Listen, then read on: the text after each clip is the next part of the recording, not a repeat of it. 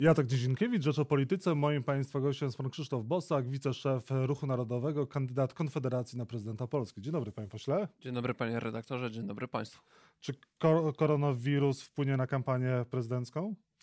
Mam nadzieję, że nie. Moim zdaniem wpłynie w sytuacji, jeżeli pojawią się zachorowania i jeżeli wyszłaby jakaś słabość naszych służb państwowych, sektora ochrony zdrowia w przygotowaniu do reagowania na takie epidemiologiczne zagrożenia. Natomiast chcę wierzyć, że jesteśmy na to przygotowani. A jesteśmy wydaje... na to przygotowani? Ma pan takie poczucie jako obywatel, że jesteśmy przygotowani, że państwo zadbało My o profilaktykę i informowanie śledzimy wystarczająco od, od pierwszych informacji o pojawieniu się koronawirusa, śledzimy bardzo uważnie y, to, co robi administracja, co robi robi rząd, co, robi, co się dzieje w ochronie zdrowia. I do tego momentu nie zdecydowaliśmy się robić, mimo że rozważaliśmy to mhm. kilkukrotnie, jakiejś takiej alarmistycznej konferencji prasowej w tej sprawie. To wynika z naszej odpowiedzialności, z przemyślenia sprawy. To znaczy uważamy, że moment, kiedy pojawia się zagrożenie epidemiologiczne i nie ma podstaw do druzgocącej krytyki rządu, tak. to nie powinniśmy y, napędzać jakiejś sztucznej histerii. Natomiast czy jesteśmy przygotowani, to ostatecznie zawsze wychodzi w momencie pojawienia się już konkretnych zachorowań Wtedy to wyjdzie. No w tej jeżeli... możemy tylko prawda, wysłuchać oświadczeń ministrów. Ja dzisiaj rano w Polskim Radiu 24 minąłem się z wiceministrem zdrowia, który właśnie o tej sprawie miał opowiadać. Zapytałem go, jak to wygląda. No mówi, no wszyscy czekamy, wszyscy się przygotowujemy, ale... Ale ma pan takie poczucie, że to, że będzie koronawirus w Polsce jest tylko kwestią czasu. Chyba nie da się tego uniknąć. Ludzie przyjeżdżają z Włoch, e, z Chin, więc pytanie, no, pytanie... Żyjemy w zglobalizowanym świecie, więc także zagrożenia epidemiologiczne się globalizują. Pytanie, komu to może służyć w kampanii? Pytają cynicznie, jeżeli dojdzie do tego. Nie chciałbym się wdawać w takie rozważania, bo to są zbyt ryzykowne rozważania, żeby sobie na nie pozwalać. Jeszcze raz powiem, że chcę wierzyć, że jesteśmy dobrze przygotowani. I najlepiej, żeby nie było żadnych zachorowań, w szczególności żadnych przypadków śmiertelnych. Z drugiej strony wiemy, że takie przypadki śmiertelne już w Europie wystąpiły. No więc po prostu to, co jest rolą polityków, to uspokajać nastroje i obserwować to, co się dzieje i reagować na to, co się dzieje, a nie na to, co się może zdarzyć. Czy pan prezydent Andrzej Duda powinien zareagować na y, informacje wokół swojej szefowej sztabu? Ja przede wszystkim nie wierzę, że pani Turczynowicz jest szefową sztabu. Moim zdaniem e, rzeczywistym szefem sztabu pozostaje prawdopodobnie pan Joachim Brudziński e, i nie sądzę, by politycy PiSu oddali w ręce kogoś spoza stricte e, sprawdzonego zespołu doświadczonych kampanijnie polityków PiSu kierowanie kampanią prezydenta, bo to zdecydowanie zbyt odpowiedzialna sprawa. Czyli pani Turczyło Kiryło jest tylko twarzą? Moim zdaniem została dobrana jako jedna z twarzy kampanijnych. To jest znany zabieg wizerunkowy, którym posługuje posługują się politycy, e, wprowadzenie nowej twarzy w otoczenie prezydenta po to, żeby, nie wiem, coś zmiękczyć. No i co, dobry zabieg czy ryzykowny?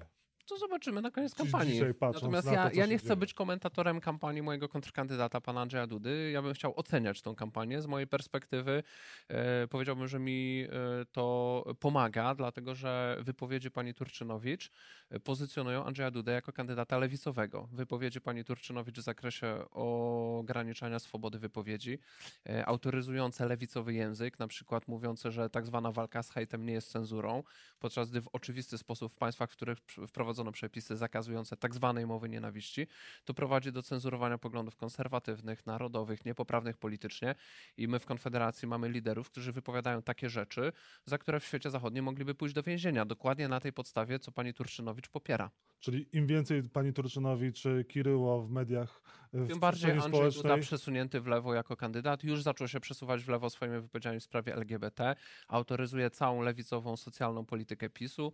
W tej chwili pojawiają się wypowiedzi Y, takie, których nie powstydziliby się politycy Platformy. Przypomnijmy, gdzieś około 2012 roku politycy Platformy próbowali przez Sejm wprowadzić przepisy zakazujące mowy nienawiści i swobodnie można by wziąć wypowiedzi pani Turczynowicz, włożyć w wystąpienia sejmowe ówczesnych polityków Platformy i nie byłoby trzeba zmienić ani słowa. Dlaczego pan uważa, że Andrzejowi Dudzie bliżej do środowisk homoseksualnych? No bo sam to podkreśla. Jeżeli jakiś prezydent y, przechwala się w wywiadach, y, w mojej opinii celowo aranżowanych, bo prezydent nie udziela przypadkowych wywiadów w kampanii wyborczej. Wywiady pana prezydenta są aranżowane. Miał pan prezydent zaaranżowany wywiad dla tygodnika wprost, w którym padła jedna nowa deklaracja, jedna wyrazista deklaracja ideologicznie. Była to deklaracja o tym, że jeżeli dostałby projekt ustawy ze środowisk LGBT y, spełniających niektóre ich oczekiwania, to on by rozważał jego podpisanie.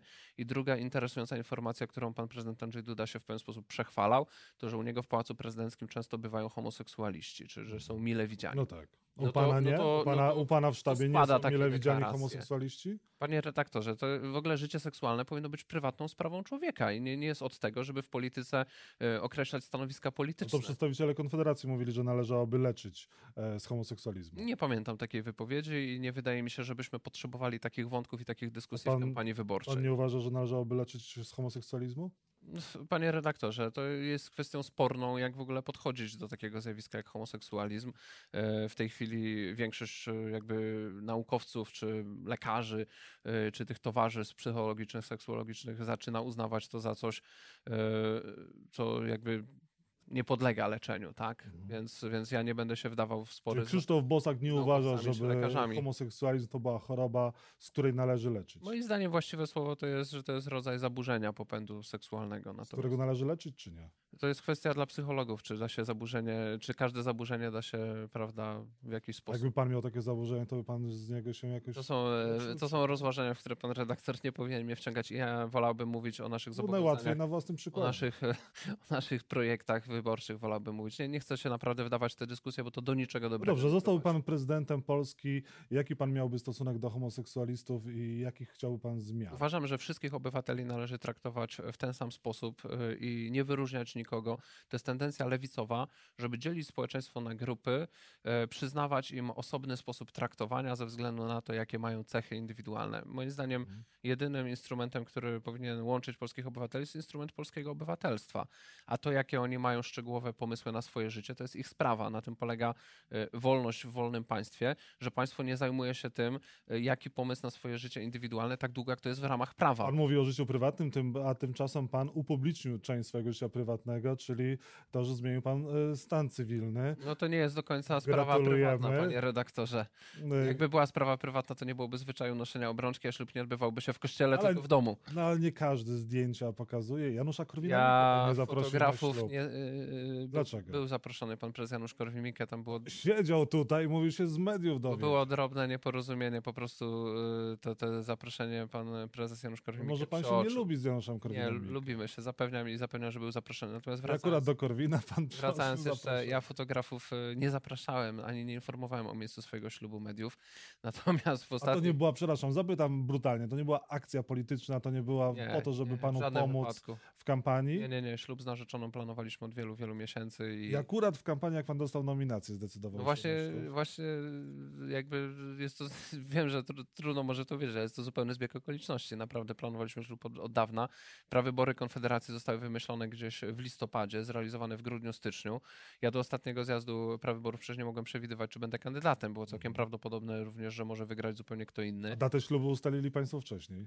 Przed... Eee, zanim w ogóle wiedzieliśmy, jaki będzie kalendarz wyborczy, więc takie domysły, czy takie, to ja to odbieram jako takie personalne ataki, że ktoś pamięta się pan, sytuacja była podobna w przypadku Donalda Tuska, który kandydował w wyborach prezydenckich. Nie była w żaden sposób wziął podobna, ponieważ Donald Tusk, Donald Tusk żył ze swoją żoną od wielu, wielu lat. Mhm. Ale wzięli ślub kościelny, wtedy akurat zdecydowano i pojawiły się również no, więc w tym sensie, zapytania. Natomiast no, my wzięliśmy ślub konkordatowy, także że, gdzie ślub cywilny i ślub kościelny jest, jest, jest w jednym, czyli można by powiedzieć tak jak należy.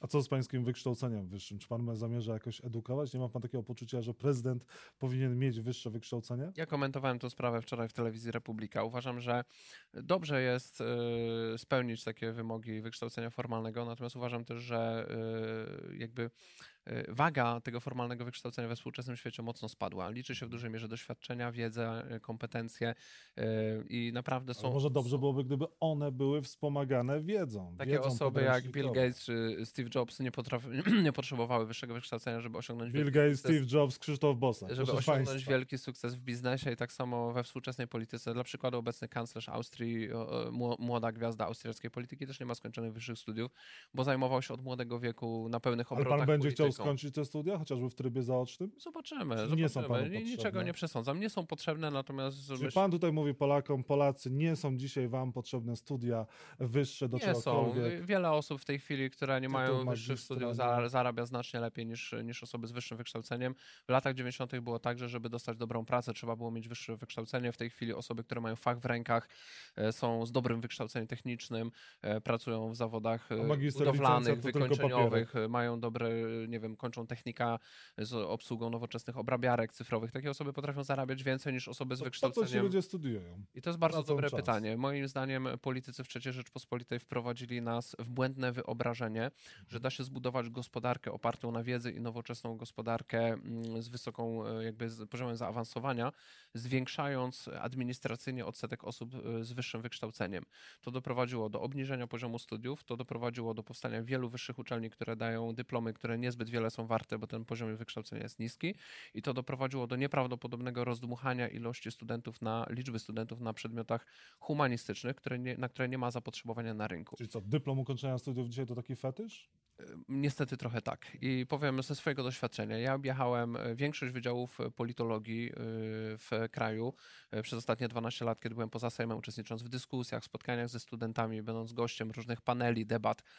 Często pozwalałem sobie zadać trochę prowokacyjne pytanie, szczególnie kiedy studenci mieli zwolnienia z zajęć, żeby uczestniczyć w takim wydarzeniu i byli nie tylko zainteresowani polityką. I wtedy pytałem ich, kto z Was, studentów na przykład Wydziału Politologii czy tam Dziennikarstwa Nauk Politycznych, interesuje się polityką? proszę podnieść rękę.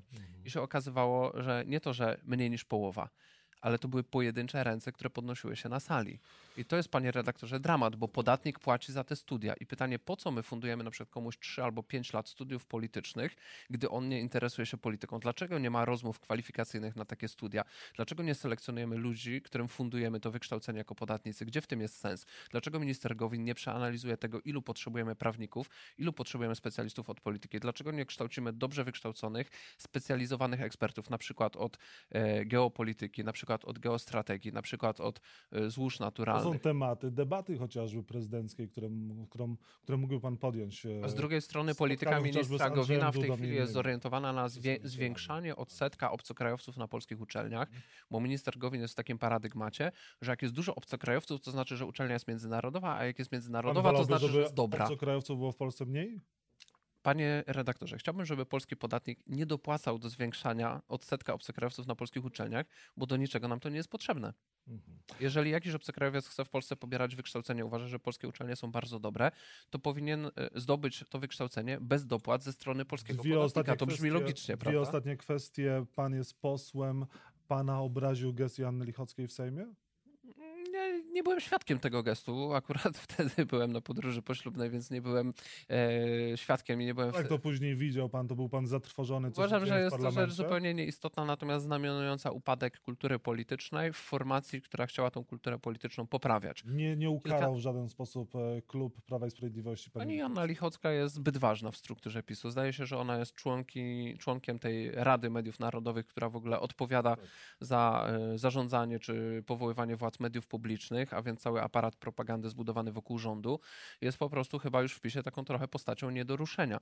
Natomiast y, przypomnijmy, że PiS wiele lat temu szedł pod hasłem rewolucji moralnej, a ta rewolucja moralna skończyła się tym, że my siedzimy w Sejmie po środku i ponad naszymi głowami politycy PiSu i Platformy prze, przekrzykują się wyzwiskami. I ostatnia kwestia, liczy pan na debatę programową z Andrzejem Dudą i innymi kandydatami na prezydenta w pierwszej turze? Tak, y, od początku wzywam do tego, żeby wszyscy kandydaci stanęli do debaty.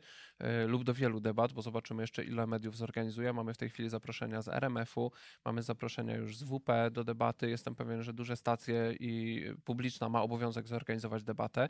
Na razie żadnych zaproszeń dla sztabowców, żeby coś poustalać nie ma.